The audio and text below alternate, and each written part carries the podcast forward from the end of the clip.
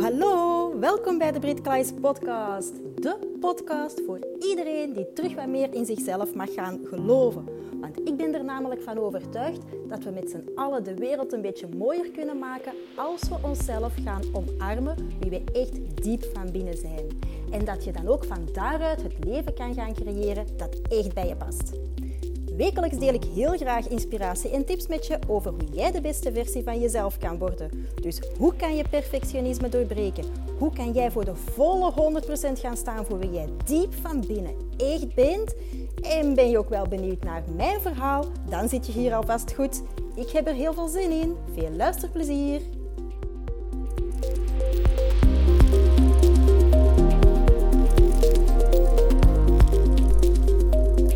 Hey, welkom bij een nieuwe aflevering van de Brit Klaes podcast.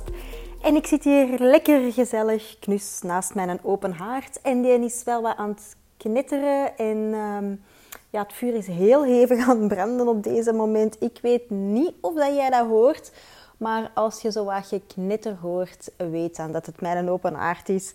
Ehm, en terwijl ik hier zo lekker knus gezellig naast de warmte zit ga ik het hebben over zelfvertrouwen. Iets heel belangrijk, iets heel essentieel in je leven.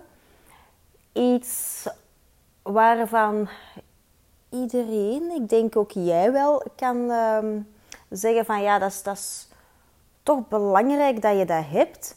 Maar het is niet altijd evident om dat te hebben. En op het laatst ga ik ook wel twee heel makkelijke oefeningen geven. Of makkelijk, ik zal zeggen, twee oefeningen die niet veel tijd kosten. Die dat je gewoon kan doen in je dagdagelijkse bezigheden. En die dan een mega grote impact gaan hebben op je zelfvertrouwen. Maar ja, zelfvertrouwen. Als je niet al te veel zelfvertrouwen hebt of weinig zelfvertrouwen hebt over een langere periode of een kortere periode, dan wil dat eigenlijk zeggen dat er toch wel wat onzekerheid um, opspeelt. En als er onzekerheid is, als jij je onzeker voelt, dan heeft dat best wel een invloed. En dat heeft een invloed op jezelf, dat heeft een invloed op hoe jij je voelt, dat heeft een invloed op de mensen in je omgeving, dat heeft een invloed op je relaties met de mensen in je omgeving. En dat heeft ook een invloed op alles wat je doet. Dus ja, als je onzeker bent, wat kan er bijvoorbeeld allemaal gebeuren? Hè? Ehm, het kan zijn dat je je gaat vergelijken met anderen. Hè? Want anderen die doen dat toch beter. Of die zijn beter. Of hè, je gaat die vergelijking gaan maken met andere mensen. Um, je gaat ook de mening van anderen belangrijker vinden dan de mening van jezelf. Je gaat meer waarde geven aan die mening van anderen. En je gaat je eigen mening wat achteruit schuiven. Dat minder waardevol maken. Want ja, die anderen die zullen wel gelijk hebben. Die anderen die gaan dat wel beter weten. En dan kan het zelfs zo zijn dat je ook gaat handelen naar die mening van anderen. Niet naar de mening van jezelf, maar wel naar de mening van anderen. Waardoor jij jezelf, of dat je dat nu bewust doet of niet, dat jij eigenlijk je anders gaat voordoen dan dat je in essentie bent. En dat wringt na een tijdje.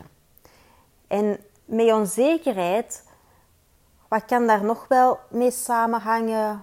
Um, schaamte, dat je misschien bepaalde dingen over jezelf vindt, um, waar dat je niet trots op bent, waarover je je schaamt, waarover je misschien niet gaat praten, dat je liever zelf ook niet uh, te veel mee bezig bent in je hoofd. Allee, ja, dus, dus er gaat een lading opkomen, een lading van schaamte. En je gaat verschrikkelijk beginnen te twijfelen ook aan jezelf. Er komt een... Ah, de grote twijfel komt ook binnengeslopen. En ja, dat zorgt er eigenlijk voor dat die onzekerheid alleen maar gevoed wordt. Nu, wat hebben wij als mensen? Wat heb ik sowieso gedaan? Jij misschien ook. Um, wat hebben wij als oplossing? Dat wij ons vertrouwen, ons zelfvertrouwen gaan halen uit de dingen die dat we doen. Zo kunnen we bijvoorbeeld hard gaan werken. We kunnen harder ons best gaan doen. Dat hoeft zelfs niet alleen op werkvlak te zijn, hè, maar dat kan ook zijn om dan die goedkeuring te krijgen van anderen. Hè, omdat je dan die mening van anderen eigenlijk belangrijker gaat vinden. Dan ga je heel hard je best doen, zodat je ook wel ja, geaccepteerd wordt op een bepaalde manier. En als dat gebeurt, dan geeft dat wel een boost aan je zelfvertrouwen. En als je hard gaat werken, zoals ik daarnet zei, en, en je krijgt daar positieve feedback op, ook dat geeft weer een boost aan je zelfvertrouwen. Maar dat heeft wel een probleem. Dat heeft een probleem als we ons zelfvertrouwen gaan laten afhangen aan de dingen die dat wij gaan doen. Want eigenlijk wil dat zeggen dat we ons zelfvertrouwen gaan halen uit zaken buiten onszelf. Onze eigen waarde gaat ook afhankelijk worden van buitenaf. Van prestaties die dat wij neerzetten, van meningen van anderen, van complimentjes dat je krijgt van anderen. En dat heeft best wel een groot probleem. Want wat als de bron van jouw zelfvertrouwen, of dat dat nu iets is wat je doet, of dat dat een persoon is, dat maakt eigenlijk niet zoveel uit. Het is iets van buitenaf jouzelf. Maar wat als die bron van jouw zelfvertrouwen wegvalt? Wat dan? Ik heb het meegemaakt en mijn gevoel toen was precies alsof dat de vloer van onder mijn voeten werd weggetrokken. Ik wist eigenlijk niet meer wie dat ik was. Want mijn, mijn zelfvertrouwen haalde ik van buiten mij. En van het moment dat dat wegvalt, dan was mijn zelfvertrouwen weg. Dan was, dan was het vertrouwen in mezelf ook weg. En omdat ik zoveel waarde hechtte aan hetgene van buitenaf mij, dan, dan, dan ja, buiten het feit dat mijn, mijn zelfvertrouwen een serieuze knauw kreeg, um, had ik ook een soort van, ja, de, de, ik wist niet meer wie dat ik eigenlijk dan was. Want wat was ik eigenlijk waard? En, en dat is wel heel jammer. En niet alleen jammer, dat is best een groot probleem. Als je je zelfvertrouwen laat afhangen aan ofwel dingen ofwel personen van buiten jou, dan ja, je hebt geen invloed op alles wat er buitenom je gebeurt. Dus als er iets gebeurt met die dingen of met die personen, dan ja, dan krijgt uw zelfvertrouwen, uw bron eigenlijk van uw zelfvertrouwen, uw bron van de waarde dat jij aan jezelf geeft, de bron aan de waarde die jij geeft om te vertrouwen in jezelf, geef je eigenlijk weg. Eigenlijk geeft u uw power, je geeft eigenlijk uw kracht ook weg aan zaken van buitenaf. En als die wegvallen, dan is er best wel een probleem. Dus echte, echte oplossing. Hetgeen waar je echt zelfvertrouwen geeft. Een diep vertrouwen in wat het woord zegt. In jezelf. Dat je, dat wil ook zeggen, zelfvertrouwen wil eigenlijk zeggen dat jij gelooft in jezelf. Ik geloof in mezelf. Dat is zelfvertrouwen. En er zijn een aantal zaken die heel belangrijk zijn om te kunnen geloven in jezelf. Ik heb daar juist ook al gesproken over die eigenwaarde, maar uw zelfwaardering is zo'n belangrijke. als jij jezelf waardevol vindt, dat is een voedingsbodem voor je zelfvertrouwen. Je hebt die zelfwaarde echt nodig om de grote bron van zelfvertrouwen te hebben. En die zelfwaardering, die zelfwaarde, die haal je niet van zaken of personen buiten jou. Die krijg je niet van anderen, die krijg je van jezelf. Dus uw zelfwaarde. Het feit dat jij waardevol bent voor de persoon wie jij bent. Cruciaal voor je zelfvertrouwen. En wat er natuurlijk ook wel aan vasthangt, is dat je als je jezelf heel veel, ja, ik wou zeggen heel veel waard vindt, dat, dat mag hè. Je mag jezelf heel erg veel waard vinden hè.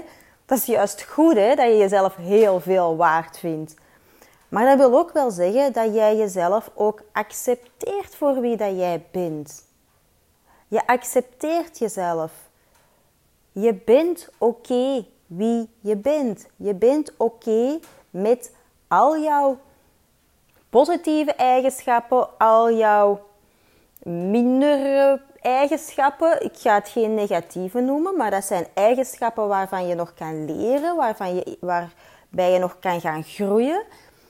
Um, dat je jezelf gaat accepteren voor wie dat jij bent, is ook zo'n, zo'n, zo'n belangrijke.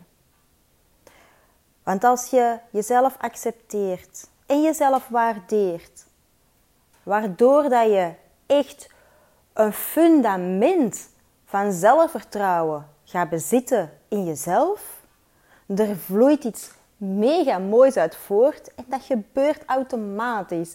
En dat is zelfliefde.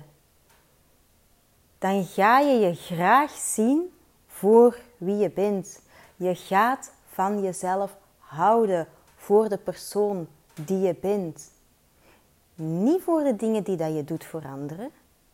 Niet voor de dingen die dat je doet voor je werk.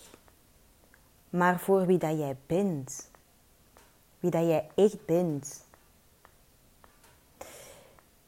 En als kers op de taart, en dat is ook wel een hele, hele plezante, waar heel veel mensen naar snakken. En dat komt daar ook automatisch uit voort. En dat is zo fijn en dat is innerlijke rust. Want als jij van jezelf houdt, maar echt van jezelf houdt, je ziet jezelf echt graag voor wie dat je bent, of ik zou het misschien zelfs anders zeggen. Nu, je kan ook de vraag stellen aan jezelf. Dat is wel een mooie om te reflecteren. Zou jij een relatie willen met een persoon die identiek is zoals jij? Zou jij die persoon echt ook waarderen? Zou jij die persoon accepteren? En zou je die persoon graag zien? Vind jij jezelf zoveel waard dat je, ja, dat je eigenlijk degene die daar een relatie met jou heeft, een dikke gelukzak kunt noemen? Als je op dat punt komt, hè, dan sta je best wel sterk in je schoenen. En die innerlijke rust, dat, creëer je eigenlijk ook omdat, omdat je zo'n grote bron van, ja, van, van, van veiligheid eigenlijk binnenin jou gaat creëren. Je voelt je veilig bij jezelf. Je voelt zo'n grote kracht ook van binnenin jou. Gewoon puur voor wie dat jij bent. Dat, dat komt er allemaal automatisch uit voort. En dat is het toffe, dat is het plezante. Maar het begint niet bij zelfliefde. Het begint ook niet bij zelfvertrouwen. Maar het begint bij het accepteren voor wie dat je bent. En jezelf te waarderen voor wie dat je bent. Daar ligt de basis. De rest vloeit daar automatisch uit voort. En dat gaat niet gebeuren op een weekje tijd. Hè.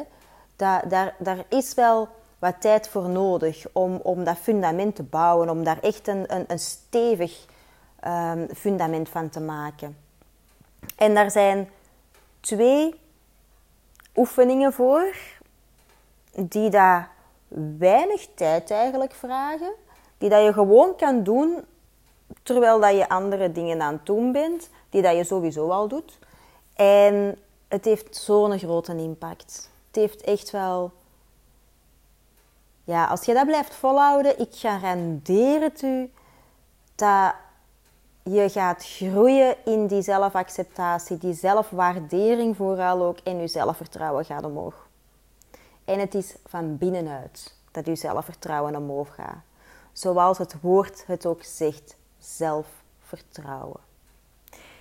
En de eerste oefening is als je ochtends opstaat en je gaat naar de badkamer en je staat voor de spiegel. Het is alleen er wat je aan het bent. Als je juist voor de spiegel staat, je moet maar eens even, even, gaan nadenken van ja, wat, wat doe je dan? Hoe, hoe zie je dan naar jezelf? Heel vaak zie je gewoon nog niet echt. Hè? Zie je gewoon als een zombie erdoor.